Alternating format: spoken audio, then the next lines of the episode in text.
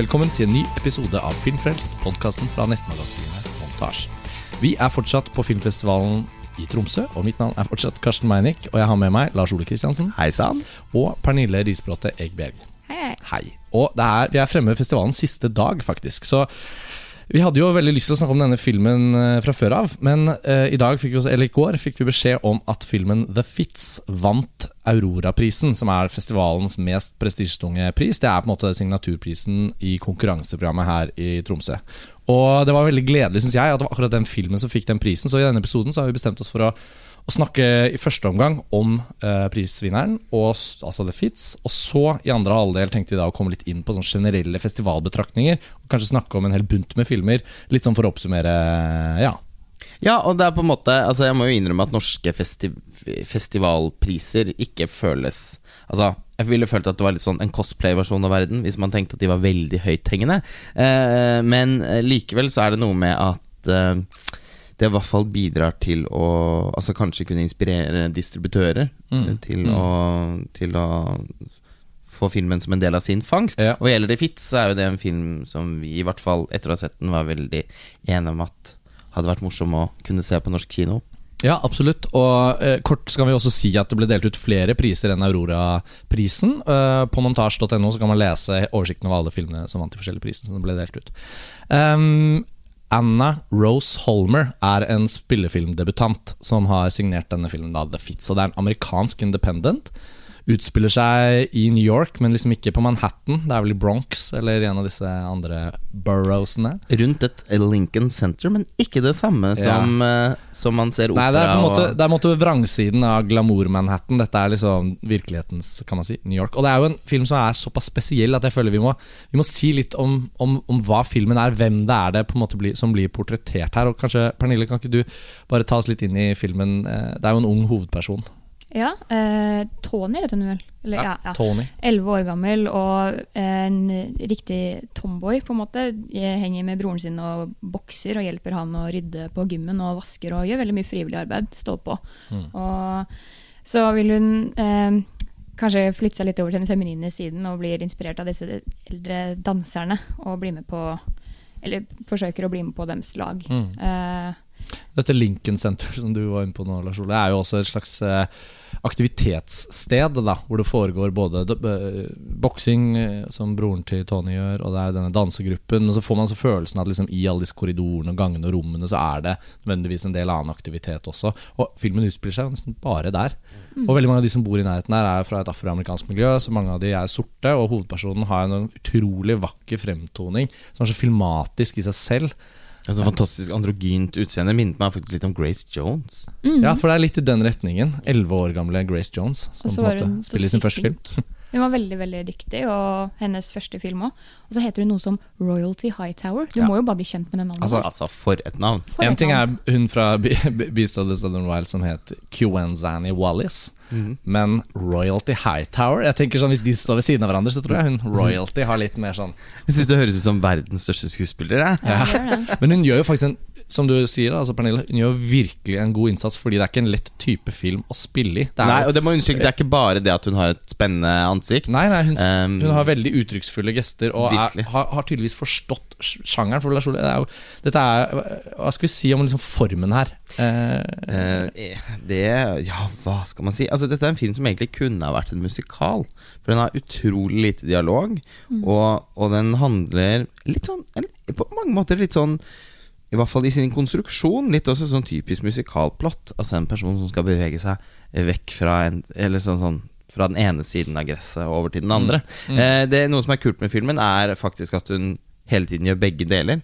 Hun er fortsatt en tøff boksejente, samtidig som hun, eh, når hun blir trukket mot eh, disse jentenes mer sånn feminine dans, eh, så Jeg, jeg syns det er veldig fint med filmen at det er da noe hun lykkes med å kombinere. Eh, men eh, disse jentene og dansen representerer jo ungdomstiden. Eh, og hun er jo da i den her akkurat overgangsfasen mellom barn og ungdomstid. Og um, den overgangen er på en måte nesten utelukkende kommunisert med bevegelse. eh, I filmen. Og lyd, men ikke musikk. Er, filmen er veldig sparsommelig, veldig kult men sparsommelig soundtrack. Eh, men har veldig mye lyder av føtter som trommer mot gulv, og vegger som klaskes på, og eh, altså Ja, det, jeg, jeg, jeg føler på en måte De har gått for et lydbilde som er sånn Hvis du ser en person med hodetelefoner som står og danser, er sånn fullstendig inne i dansen, så er vi på utsiden og hører lyden av føttene, hånden, pusten, Uh, ikke musikken. At Det er liksom aldri musikk når de danser. Nei, nesten ikke. Det er veldig sånn gymsal-lyd. Ja. Sånn, Ja. og da, så har de liksom funnet det litt sånn vakre i gymsallyden. Fordi det føltes, i hvert fall for meg, som musikk. Bare at det ikke var det. Resultatet er veldig ekspressivt, og man skulle tro at de virkemidlene altså bare bruker de på en måte i hermetegn hverdagslige lydene som er involvert når disse tingene foregår. Men de har fått en Jeg syns det var så spennende film rent sånn visuelt og auditivt at jeg tenkte Og den er bare 71 minutter lang, eh, hvis jeg husker riktig. Og den har en veldig sånn herre attraktiv og presis innpakning, men veldig sånn innholdsrik og ny, nysgjerrighetsskapende form. Som gjør at det er en sånn film jeg umiddelbart tenker er så gøy å gå tilbake og se mer på den. Liksom. Og selv om den ikke helt forteller en tradisjonell historie, syns jeg jo liksom også at den er ganske spennende. Nettopp fordi hun hovedpersonen, hennes blikk mot det som er rundt henne, er alltid på en eller annen måte interessant. Um, men jeg skal si om liksom fremdriften i ja, Det er jo ikke noe historie, det er en slags historie her. Jeg, jeg synes det var veldig eh, Jeg ble så glad for at det funka, det her med mangel på musikk. da Fordi det kunne fort blitt veldig rart. eh, så mye dansing og bevegelse uten noe lyd til. Men eh, av en eller annen grunn så bare ble det Jeg syns det ble utrolig realistisk, på en måte. Jeg ser for meg at det her kunne vært hvor som helst, en sånn gymsal. Men ja, fremdriften, den er jo først litt sånn Først er den litt langsom, og det er greit nok det. De de bygger opp til et eller annet som vi vet skal komme. Eh, Men så blir den jo plutselig ganske effektiv. Fordi den er jo kort, og det pakkes inn en god del ting på den lille spilletiden. Så den blir liksom på en merkelig måte ganske intens eh, etter hvert. Ja. den har jo også et sånt overnaturlig motiv, eh, nemlig at jentene i denne dansegruppa rammes av noe som kalles for the fits, nemlig at de besvimer og, eller får sånn, liksom, sånn, sånn epilepsiaktige anfall. De fortsetter på en måte å danse, fordi vrikk, altså, Ja. anfallet er også en slags vrikking. Ja, anfallet tar form av en slags dans, men eh, det, alle, og den er smittsom. Og de lurer på om, Er det om det er en boyfriend disease. Ja. Altså sånn er det, eh, Jo, men det er sånn nok Ikke for å sammenligne med It Follows, men jeg, jeg liker at også denne filmen har sånn Det det er, den greia som skjer, er liksom sånn Det er ikke sånn lett å forklare Eller det bare forklares med bare noe sånn litt enkelt. Var dere noen av dere Var, det no, var dere noen av dere? Var det noen av dere? Siste festivaldag. Ja. Var det noen av dere som så den britiske filmen The Falling med Aria Stark i en av hovedrollene? Altså Maisie Williams, men selvfølgelig Aris. Ja. Nei, jeg så den ikke. Nei, ikke. Nei, for den hadde jo en del buzz. Jeg syns kanskje ikke filmen var så bra som f.eks. Peter Bradshaw syns i sin masterpiece-anmeldelse i The Guardian, men okay. det var en film som hadde et veldig, nesten helt likt eh, motiv.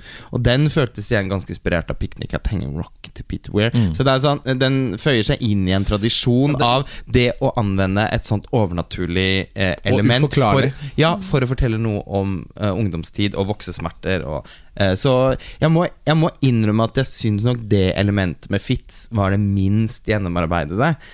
Fordi jeg følte aldri en særlig spenning eller uhygge eller eh, eller, eller en gang spesiell fascinasjon for de Fitz-utbruddene. Jeg syns kanskje til og med også de av og til kanskje var litt dårlig spilt, eller så litt sånn Jeg følte det kunne vært mer kraftfullt for meg. Eh, Jeg syns det var et uh, veldig uh, solid element egentlig i filmen, og jeg likte veldig godt at ikke det blir forklart. Du får jo ikke liksom, slengt i trynet hva det her er og hva det kommer av. Men det som var så fascinerende med det, er at etter hvert så ble det som en slags greie som nesten alle ville oppleve litt. For Mm. at det ble sånn Oi, jeg vil også være inkludert og være en del av det som skjer. Og Mm. til slutt så ble man nesten litt sånn utafor om du ikke hadde hatt anfallet ditt. Ja, for det er, det er veldig godt poeng. Det Det var, skiftet er jo ja, det er veldig godt poeng. Det var akkurat som jeg husker da jeg var på leirskole på siste år på barneskolen. Så var det den siste kvelden så ble det så innmari mye drama, så da skulle alle prøve å ta livet sitt. Da ble det som, en, det som, en, som sånn en lek, eller på alvor? Som en, ja, det var en slags blanding. Jeg husker i hvert fall at det var en syv, åtte, ni personer som på ulike måter, veldig mislykka, da, forsøkte å liksom skjære over pulsåren med en smørkniv, men ble reddet. Da. For en grusom opplevelse. Ja, her, her, kommer det, her, her kommer det til overflaten. Ja, det var helt forferdelig Nei, men- avslutning. Men det, det illustrerer uansett det poenget med at uh, vi vi blir Men det var jo en massesuggesjonseffekt. Altså, Ja, altså- alle ble liksom følte, Man følte seg nesten uten Og alle følte seg utenfor hvis man ikke var kjempetrist. Ja, og, Og vår oppfatning av det styres jo også av at hovedpersonen også er Fortsetter gjennom hele filmen å være vårt blikk på disse hendelsene. Og det tror jeg også spiller inn på selve suspensnivået. da Fordi på, på mange måter så introduseres jo ideen med en viss form for sånn uro og uhygge. Sånn at den, filmen legger jo opp til at det kan bli suspensfullt, liksom. Men hun har en så stoisk ro. Og det rammer jo da de eldste i dansegruppen først. Det må vi så skyte inn da Så man får på en måte følelsen at hun også føler at dette skal ikke skje meg sånn med det første. Hun viser jo ikke noen frykt for noen ting. På et tidspunkt litt uti der så sier hun sånn at hun er litt redd. Men det skiftet som du trekker fram, Pernille, gjør jo også at jeg føler at allegorien forsterkes. da At det blir litt sånn ok. Så er det fits, liksom. Men det er jo på en måte ikke sånn Men det er liksom det er ja, ikke for det er dødsfarlig noe heller. som Det er ikke skal fatalt. liksom ramme dem, Ja. men som de overlever. Men være? litt sånn som BCG-vaksinen, på en måte, på ungdomsskolen. Ja. Alle går og gruer seg i syv år. og, det, og det føles også Det føles også Og det er jo selvfølgelig ikke noe spoiler å snakke om, fordi det er ikke en sånn film. Og da tenker jeg også at når man vet at disse tingene skal skje, så, så er det jo liksom en sånn ganske sånn Det er løst på en ganske sånn tilbaketrukket måte i forhold til hvordan det liksom Hver gang det skjer med noen, da så føler jeg vi bare lander på fokus i kameraet, lander på hovedpersonen som observerer. Det, blir ikke altså det er ikke sånne eh, hvordan skal man beskrive det? Hvis noen blir drept i en horrorfilm, da, så får man gjerne liksom kameraet retter seg mot det. Og, og Enten så får du virkelig se det, eller så er det helt offscreen. Mens eh, eh, i denne filmen så må det også sies at kameraet, også måten bildene liksom, Iscenesettelsen, planleggingen av hvor kameraet ender opp når man ser på det, så skjønner man så veldig godt at det er veldig kontrollert. Ofte sånn glidende dollyer som liksom først tar inn rommet, så hovedpersonen, så får man se hendelsen i bakgrunnen, så tilbake igjen uten klipp. Det er en sånn film som virker 100 storyboardet på forhånd. Jeg tror Ja. Det er et eneste kamerainnstilling der som ikke er veldig omstendelig planlagt. Og uh, når vi først er inne på dans, da koreografien i kameraet uh, syns jeg var noe av filmens liksom, mest sofistikerte element, som jeg også føler at pe peker tilbake på regissøren og forsterker veldig følelsen av at denne debutanten er verdt å følge med på. Uh, for man merker at det er ikke bare sånn jeg har opplevd noe i ungdommen, så jeg bare please få laget en spillefilmdebut om det. Jeg kan filme det hvor som helst, egentlig. Jeg vil bare liksom jobbe med skuespill og sånn. Altså, det er jo Altså, det Filmskapingen er, jo som er sånn. det som er det virker som det er det viktigste. Ja, det er virkelig en sånn- komposisjon, liksom. Og jeg Ja. likte det så sykt godt at filmen hadde helt sin egen greie. eh, Og denne kamerakoreografien og sånn som sier, er jo også det som understreker den her følelsen av at, som sagt, at nesten er sånn musikal uten lyd. Og ikke bare musikal, men også Like uten lyd, uten musikkvideo. Musikk. Det er veldig mange, Mm. ja, det er veldig mange uh, av eh, spesielt dansesekvensene som kunne vært tatt rett ut fra en musikkvideo. Mm. Helt klart. Det var en eller annen på Eh, festivalen her som sa det at ah, det var litt, uh, jeg likte den. Det var litt som en musikkvideo uten musikk. Ja. Og så ble samtalen ferdig der, for jeg hadde ikke sett den. Jeg sa sånn, ikke si noe. Men uh, jeg vet ikke om det var så presist fordi den er så Den tåler så veldig å være lengden sin. Og musikkvideo er forbundet liksom med en 3,5 minutters snutt. Liksom. Tenker- Og se det på YouTube og sånn. Dette her er jo en skikkelig kinofilm. Men tenk på den der første eh, se, slags Jeg jeg tenker mer Lemonade. Du tenker Lemonade. Ja, men sånn jeg, liksom. tenker, jeg tenker mer altså, Dancer in the Dark. Nei, jeg bare tenkte på den første slags musikalsekvensen i Dancer in the Dark, Mm. hvor det er lyden av fabrikkens maskiner. Å, det er bra. Og klapp og, Mm. og så, som lager eh, Og så og så munner den ut i sang, da. Og det gjør jo aldri The Fits. Men de herre dansegulv eh, Vegg Altså Mm. lyden, Lyd av kropp i kontakt med omgivelser, som den filmen har så mye av, det skapte noen veldig sånn musikal Musikkvideo for seg-aktig eh, eh, sekvenser. Og det var gøy. Altså, i noen husker eksempel én sekvens hvor eh, hun eh, Hovedrolle Tony. er Tony, eh, og hun lille jenta som hun blir en slags sånn mentor for. Ja. Eh, Og litt bestevenninne, da. Ja, de var fine. Ja, og hun er helt fantastisk, hun lille ekstra rollefiguren. Ja, det er som om hun nesten bare har dukket opp på settet og bare begynt å danse litt sånn bak der, og så har de bare dyttet henne inn foran kamera. Det er en scene eh, der hvor eh, hun Tony eh, mopper gulvet med en sånn helt spesielt stor mopp. Eh, For hun hjelper broren sin som jobber Ja. der. Ja. og, eh, og hvor hun lille jenta der liksom danser foran moppen og lager en sånn Kan vi ikke liksom Kan vi ikke ha det litt gøy nå? Kan du ikke bare liksom Kan ikke du nå jage meg med moppen? Ja, men jeg skal prøve å vaske alle feltene av gulvet. Jo, men hvis du Altså, det er sånn veldig sånn søtt øyeblikk. Eh, men det er også noen scener hvor de de to, og noen andre etter hvert òg, liksom bare sånn, sånn kravle bortover gangene og opp etter gelendere og trapper Det er Nesten som om de liksom alle var dyr. Som jeg også Går litt i ett med rommet, nesten. ja, det synes jeg var veldig fascinerende. Sånn typisk man kunne sett i en sånn eh, installasjon med moderne dans, eller Mm. Eller i, i Wim Wenders Pina. Ja. Som var en annen film jeg egentlig tenkte på et øyeblikk når de, når de liksom beveger seg litt sånn ut av dette. Det er jo bare noen få scener som utspiller seg på utsiden av dette senteret. Men det er annet en sånn bro som en sånn overgang. Eh, ja, det var en veldig fin sekvens. Og så synes jeg også Og det kom jeg ikke på før når, når vi begynte å trekke inn andre filmer, så plutselig slo meg at liksom West Side Story Den er jo en svær Hollywood-musikal, selvfølgelig, og en klassiker på sin måte. Men, America. ja, nettopp. Ikke en episode uten at du synger litt. Det er jeg veldig glad for. Men åpningen av West Side Story, for de som husker den filmen sånn når man trekker det fram, der er det lyden av byen, klipp, det er disse knipsene. Det er, sånn, det er ganske mye sånn urban lyd og, og sånn luftig stemning rundt. Veldig sånn klipporientert, selvfølgelig òg, da. Eh, Det er, det er The Fits, men jeg føler i The Fits er det mer fokus på hva som skjer i hver kamerabevegelse. Ja, er mer enn sånn- at det er sånn retorisk klipping. virker som vi alle er enige om på med ulike typer eksempler Floraen av eksempler Ja. eh, begynner å få mange blomster. Men, Ja. eh, men, eh, men det virker som vi alle er enige om at Fitz har veldig mye felles med liksom opptakten til et musikalnummer. Dum, Ja, altså sånn, ja. Til og med i Chicago og sånn. og sånn. Men den bare, den, den bare begynner, liksom. Mm. springer aldri ut i full blomst. eh, og blir, men, men det er så riktig for filmen. Mm. Og, uh, og det var det som også skal, etterlot en sånn følelse av at dette var litt sånn, litt sånn ordentlig Ikke nyskapende, men bare sånn origin, men originalt. Mm. Og uh, det er skikkelig sånn film, føler jeg, som er sånn visittkort for en ny filmskaper. Ja. Jeg, fikk, jeg hadde lyst til at filmen skulle være en halvtime lenger, og jeg gleder meg veldig til å se hennes neste film. Ja, og hun er jo, altså Jeg måtte jo på en måte forsøke å lese meg litt opp på Anna Rose Holmer, for jeg følte virkelig vi fikk en ny regissør her. da Nå har jo filmen for så vidt hatt premiere for eh, faktisk over et år siden, men den har ikke vært noen visninger i Norge før nå. Og vi, hadde, vi plukket jo litt opp bøssen på den, fordi den begynte å poppe opp på noen topplister fra noen av de amerikanske kritikerne som gjerne putter filmer på listene sine som er litt sånn annerledes enn de andre. Og tenker liksom, ok, kanskje er det noe her det, Richard Brody, for eksempel. husker, ja, ikke sant, Richard Brody så Hvis ikke jeg husker feil, så ble den også vist på den New Directors New Films in New York, som er en veldig fin sånn, det, første og andre filmsfestival. Og så ser man jo at hun Anna Rose Holmer har jo bakgrunn som fotograf. Har jobbet eh, med flere i miljøet rundt Antonio Campos, som har regissert Christine, som vi snakket om i forrige episode. Så man ser jo liksom der også at eh, Og på Girls så er det en fotograf som har jobbet mye som heter Jodie Lee Lipes, og han var vi inne på da vi snakket om Manchester by the Sea, som han har fotografert. Og han har laget en, en sånn New York Opus Jazz-dokumentar som også har en del sånn musikalelementer, hvor hun, Anna Rose Holmer, også har vært involvert. Da. Så da må Og hun har vel jobbet med kamera på Tiny Furniture, hvor Jodie Lee Lipes er Nettopp, fotograf. som grip. Og, det er sånn og, som man ser og musikk Og de eller komponistene som har laget musikken til Christina og Antonia Campos, har også laget originalmusikken til The The Fits, ja. som som sagt ikke er tilstedeværende i dansesekvensene, men som ellers tonelegger filmen. Og hvis man forminsker Amerika til bare å være New York, da, så kan man i hvert fall se at det fins et filmmiljø her hvor folk jobber på hverandres ting og sånn, som har avlet frem en viss kvalitetsbevissthet som kanskje er overlappende, da, hvis man spekulerer litt. Men hun her har i hvert fall da kommet med sin første ordentlige fiksjonsspillefilm. Og da blir man Ja, det er en av de Du sa visittkort. Det er så innmari det.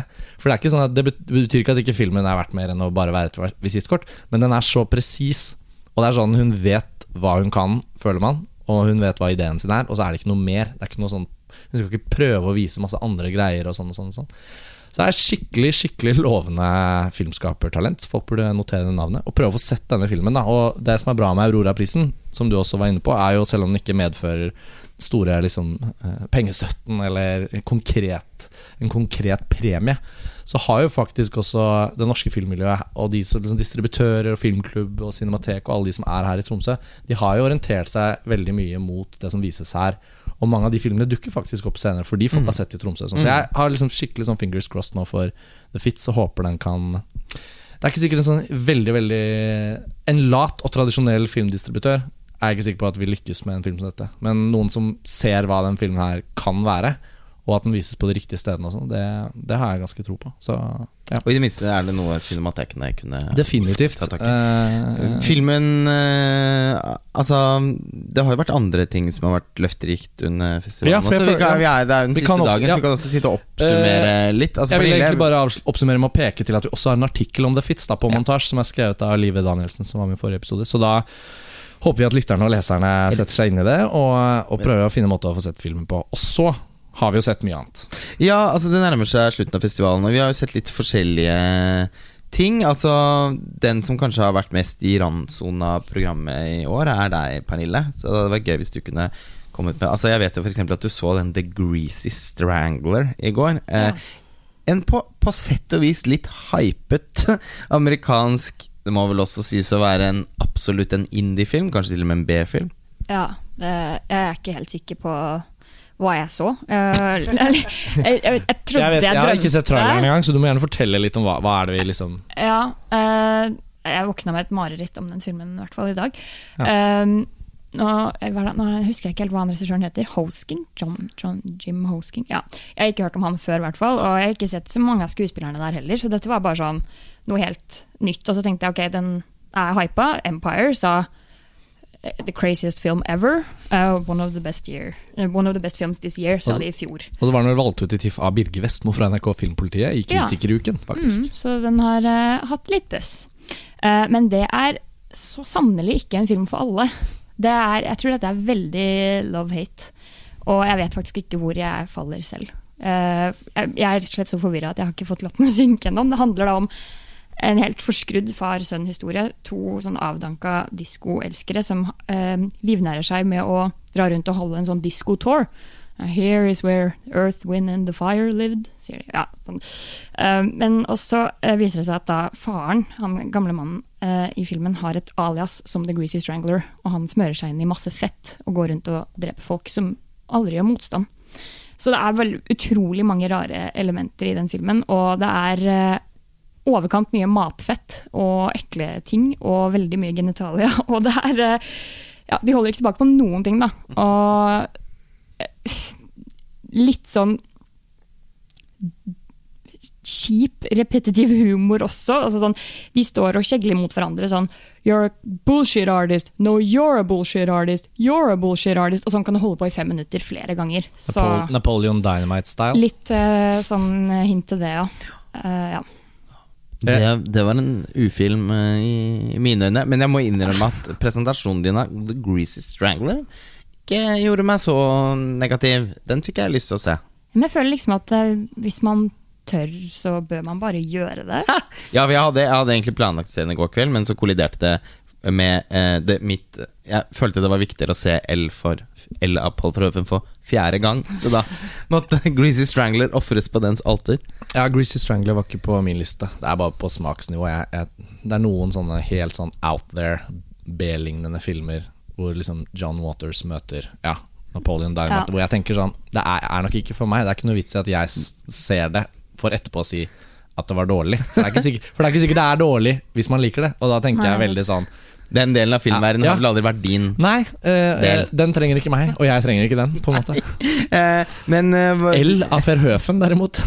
Ja, altså, det er jo en Den har vi jo Når du først kom inn på den. Jeg har jo laget en Filmfrelst-episode om den tidligere, men altså jeg, jeg, Selv om jeg så den to ganger i Cannes, så endte jeg med å se den to ganger til her. Altså Den filmen kan jeg altså ikke få nok av. Nå føler jeg den er i ferd med å liksom etablere seg som noe jeg kan si at Ella Furøve Ja, det er en av mine favorittfilmer.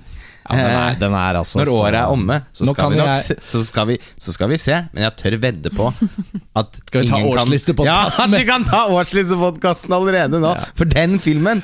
Ja, vi, var jo, vi har jo alle sett den eh, her på TIFF, og um, for meg var det en veldig stor eh, lettelse å endelig få sett den, siden det har vært sånn derre unn- altså, sånn, Det var som sånn derre lavt, sånn lavt kokepunkt, noe sånn kokende greier som hele tiden jeg måtte si 'please, ikke snakk om', ikke snakk om, ikke snakk om. Og til og med på starten av TIFF, fordi visningen var mot slutten av festivalen. 'Please, ikke snakk om', ikke snakk om. Og da føler jeg meg også så veldig dust, men altså, endelig Det var deilig for oss andre å endelig kunne snakke om. ja, ja, sorry. Men altså, hva skal vi si? Vi må jo snakke litt om den, selv om det finnes en podkastepisode allerede. Eh, for meg var det jo Den leverte jo på en måte på alt når man skal se en ny Paul Verhoeven-film som er så kritikerrost og bejublet og besnakket. Men det er jo noe med at den også leverte utenfor og bortenfor det. da For jeg syns det var en så rik og kompleks film på flere nivåer. Eh, Så da, etter å ha sett den fredag kveld her oppe, og det var jo den siste visningen da i går, lørdag kveld, så var jeg også helt klar over at ja, jeg må selvfølgelig se den igjen. På det nåværende tidspunkt så er det ikke satt opp en premieredato. Det er en veldig uavklart situasjon. Eh, men filmen har mulighet til å gå på kino eh, i Norge fordi den, rettighetene sitter hos distributøren UiP. Men det er ikke blitt avgjort, da. Og jeg tenker bare at da må jeg i hvert fall se den to ganger med fullsatt sal på TIFF. Den opplevelsen kan på en måte aldri fås igjen heller. Og det gjensynet da, i går Nå føler jeg også liksom Jeg har ikke sett filmen for fire dager siden, men nå er jeg liksom full kjennskap til den. Det var altså nye ting, og den er så morsom på groteskt vis. Og den ja, den er litt for kompleks å bare ta sånn kjapt da i en og en annen setning. Men for meg var den jo alt det jeg håpet den skulle være. Ja, det var så merkelig god stemning i salen nå, med tanke på hvor dystert temaet det faktisk er. Og det er også utrolig skummelt, syns jeg personlig, da, å gå inn på en film som er blitt hypet i stykker så utrolig mye, spesielt av deg, og så innfrir det like høyt som forventningene! Ja! Og det hjelper selvfølgelig å sitte ved siden av deg, da, Lars Ole. Og latteren blir jo ikke noe mindre uh, av det. Ja, særlig, særlig det at for, for Vi fikk også opplevelsen av sånn forhåndslatter. Sånn. Lars Ole begynner å le. Ja, sånn, nå «Nei, det, det morsomme har ikke kommet ennå, men Og så kommer det, og så bare Å, jeg skjønner. så, men, nei, men det var jo det, jeg, så, det var jo så Jeg har ikke ledd så mye på kino. Jeg kan ikke huske sist. Nei, Nei, det så- har ikke jeg heller. Den er så morsom, Ja. den filmen. Men den er så uh, ute på Ja, hva den, den kombinerer. er jo, den er helt, men det som er, den er liksom Den er helt hårreisende. Ja, og den sin kombinerer ting mix. som du aldri hadde trodd du ville både bli forskrekket og le av i en og samme En helt eh, vanvittig pust, liksom. grusomme vold. Så når den, når altså, den altså- smeller til, så er det ikke grenser for Men nå har vi, altså, grusomt det er. Dersom det skulle være noen lyttere som virkelig ikke har på en måte helt notert seg bøssen eller lest om filmen, så kan vi i hvert fall bare kort si at dette er da den filmen med Isabel Huppert i hovedrollen, som hun nå nylig vant en Golden Globe for. Og Golden Men som nå sannsynligvis kommer til å bli Oscar Det ligger i kortene. Oscar-nominasjonen er rett rundt hjørnet, eh, men vi får håpe det. Fingers crossed. Men Ja, altså, filmen, vant de- også, filmen vant også Golden Globe for beste ikke-engelskspråklige film, så den har jo på en måte blitt nå ikke bare har den vært bejublet eh, i 2016 etter Cannes-premieren i Frankrike og sånn og sånn, og sånn, men nå har jo også da Golden Globe gitt den to priser. Og Isabelle Huppert spiller en dame som i filmens første scene opplever å bli liksom overfalt i eget hjem og brutalt voldtatt. Så det er liksom, den går jo også under betegnelsen eh, voldtektsfilmen. Også, Revenge. ja, og så skal man også si at det er en komedie. Så da blir det sånn Voldtektskomedien, ja, voldtektskomedie. Oh, hvordan selger man inn det? Men filmen er Så på er en det en dis, altså et, sånn dysfunksjonell familiekomedie. ja. Og så er det en litt sånn surrealistisk Litt, litt sånn romantisk komedie òg.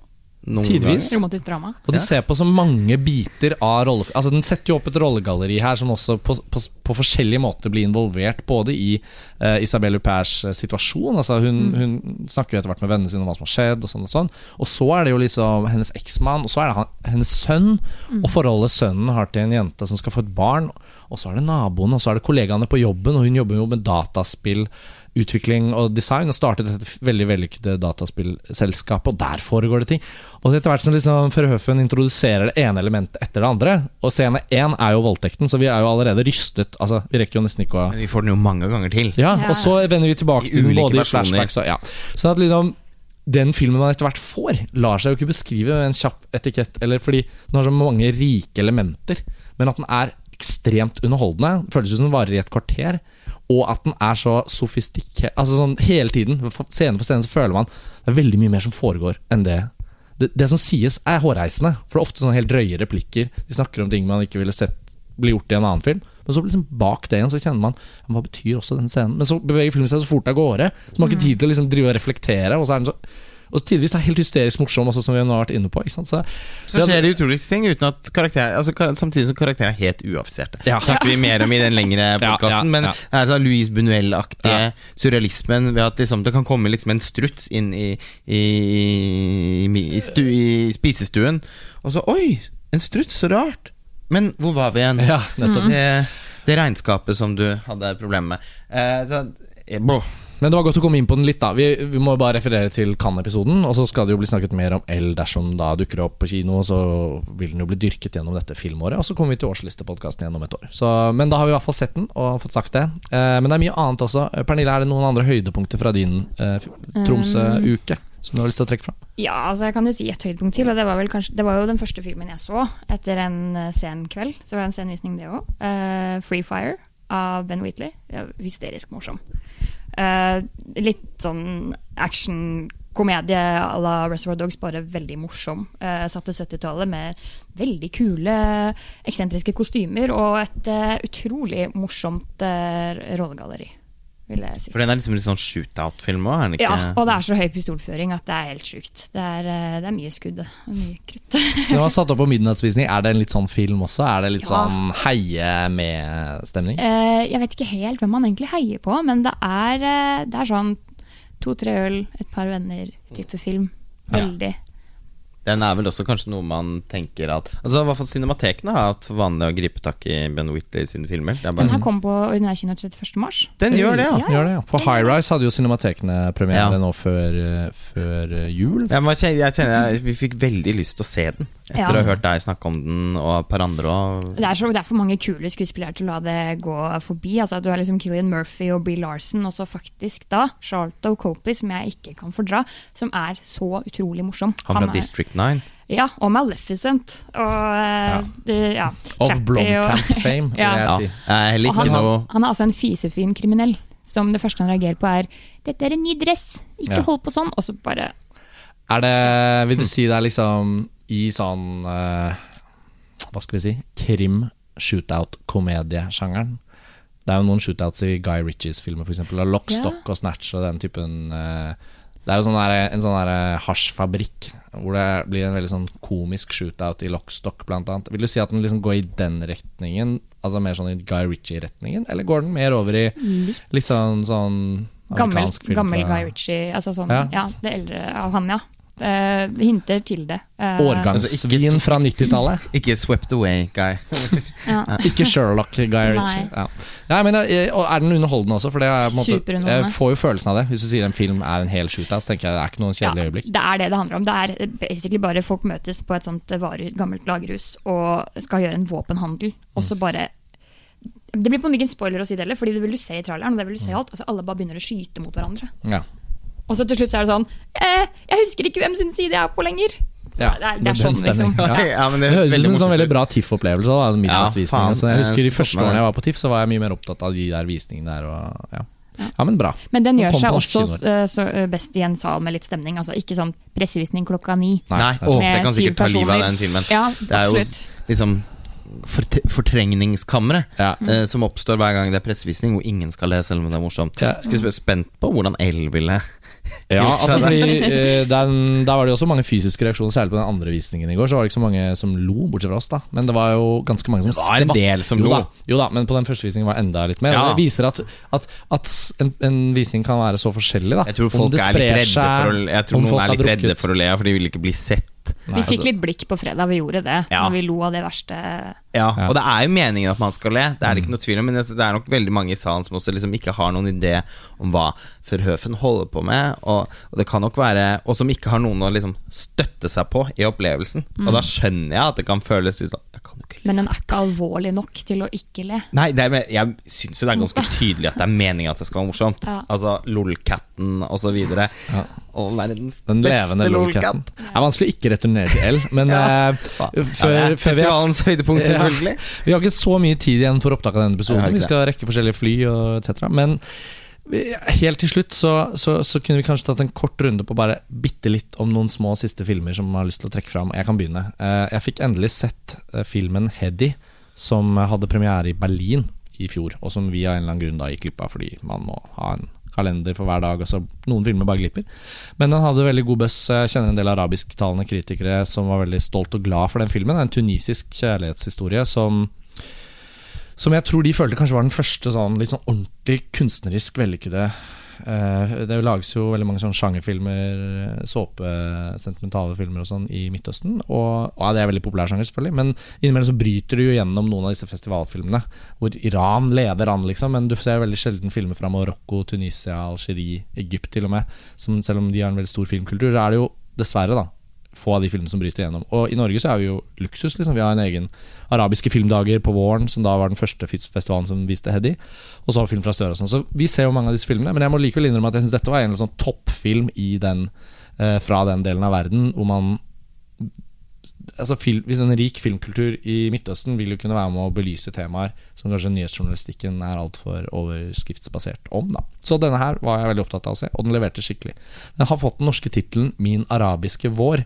Og det syns ikke jeg var den mest sånn appellerende inngangen til å liksom, få noen med på den filmen. Fordi du tror liksom at det blir en sånn Hei, hva skal vi se på kino i kveld? Skal vi ta den Min arabiske vår, eller? Ja, men nå, Det kan virke som den tittelen er satt, da, så da må vi jo også si fra at dette er en veldig god film som heter 'Min arabiske vår'. Eh, eh, Originaltittelen er 'Hedi', for det er hovedpersonens navn. Eh, kort fortalt så handler det om en ung mann som Han er ikke akkurat tvangsgiftet bort, da, men han er på vei inn i et ekteskap. Det skal, det skal skje om noen uker, og han eh, Han er på en måte respektfullt glad i henne, men de må liksom møtes hemmelig i bilen for å snakke sammen. Alt er sånn, dere må vente til dere har giftet dere, og mødre og fedre, og liksom, det er de andre som bestemmer. Og han, han har veldig sånn mutt fremtoning, han jobber som sånn selger for Peugeot. Så han kjører liksom rundt i Tunisia og presenterer liksom Peugeots vareutvalg. Han får aldri Han er jo ikke noe glad i det. Det er litt som å selge lodd for fotballaget. Han vil bare helst bare levere fra seg en brosjyre og så bare uh, kjøre av gårde. Men det bringer han til en sånn turistby, da hvor det er sånn turisthotell han må bo på, for han skal rundt og selge Peugeot i den byen. Og da får han øye på um, et sånt dansenummer som fremføres for noen tyske turister. Og en av de som er på en måte på scenen, da er en ganske sånn kul dame som han eh, støter på, og så kommer de bare i snakk. Og når han da har vært mutt i 15-20 minutter av filmen, og man venter litt på å se hvor, hvor skal denne filmen, men den er veldig sånn fint Den er litt sånn filmet litt som Darden-brødrene gjør filmene sine. Ikke for shaky cam, men ikke så veldig mye stativ og sånne kjedelige tradisjonelle måter å filme ting på. Så jeg henger litt med han liksom rundt omkring. Og så lyser han opp når han liksom i løpet av en litt sånn tilfeldig møte, etter å ha observert henne, skjønner at han har fått et vindu til å bli kjent med en kvinne som han da virkelig har følelser for. Så skillet fra da å liksom skulle inn i et ekteskap som er sånn familiebehøvd, til å faktisk kanskje kunne oppleve ekte kjærlighet, det skjer på riktig tidspunkt, og så blomstrer filmen ut av det. da og så ligger liksom tragedien og bobler under. Så det, det må jeg bare virkelig få anbefale. Eh, Den skal ha premiere i Norge i mai, har jeg hørt. Så da må man bare se litt forbi den norske tittelen, 'Min arabiske vår'. For det er, jo ment å peke på at dette enkeltindividet opplever sin egen oppblomstring. Ehm, men eh, det kan føles som om den tittelen peker på en mer sånn politisk korrekt, eh, velmenende film enn dette egentlig er, da. Så jeg ville bare ha sagt det om den filmen, for den var jo så alene. Eh, er det noen av dere som vil trekke fram en siste film før vi må avslutte? Nei, jeg har vel egentlig sagt mitt og mine favoritter. Jeg, altså, jeg har sett Kammerpiken fra før, som også går her, som jeg liker veldig godt. Men uh, Nei, jeg, jeg må det er et kapittel for seg selv. Ja, det er et kapittel for seg sjøl. Jeg er eh, jeg, Ja, det er jo kanskje et litt sånn dumt valg, egentlig, da, sånn i etterkant, men jeg må innrømme at jeg har brukt veldig mye deler av Vi jobber ganske mye under festivalen, så vi har litt begrenset visningstid. Eh, men eh, jeg må innrømme at jeg har liksom har, jeg har- Jeg har ikke klart å holde meg unna de filmene jeg allerede elsker. Og Så jeg har liksom sett L to ganger på nytt. Jeg har sett Julietta igjen, selv om jeg har sett den to ganger før. Og i kveld blir det, ender det sikkert med at jeg ser Kammerpiken for tredje gang. Eller La La Land. Ja, som jeg riktignok ikke elsker, men som jeg har lyst til å gi en sjanse til, fordi jeg har blitt så glad i musikken. Men da høres det som vi er i mål med en slags oppsummering, da. Eh, da det, en- Min film ville da vært Julieta, da. Ja. For den eh, går jo på ja, Og den Ja. skal vi komme tilbake til. Den Ja. går på norske kinoer nå. Og eh, jeg skjønner at det kan være litt delte meninger om den, men for meg så er det en helt Altså, det er som å spise jordbær med fløtesukker på. Jeg skal i hvert fall smake litt på de jordbærene, holdt jeg på å si. Julieta var jo, ja, den er kinoaktuell, så når vi er tilbake fra TIFF, når vi er hjemme i Oslo igjen, så begynner jo en ny festival med alle disse filmene. Det går veldig mye bra film på kino nå. Da er, eh, får vi si at det var oppsummeringen. Eh, takk, for, eh, takk holdt jeg på å si til lytterne for at dere hører på, men også da til dere for en bra festivaluke. Det har vært en veldig fin utgave av TIFF. Og vi returnerer med flere festivalpodkaster om noen uker, når Lars Ole, du og jeg skal til Berlin. Og Pernille skal også til Berlin. Så vi kommer til å returnere dette lille triangelet her. Skal dere få høre mer fra snart. First we take Tromsø, then we take Berlin. Yes. Oh, yes. Takk for denne gang, og ha det bra.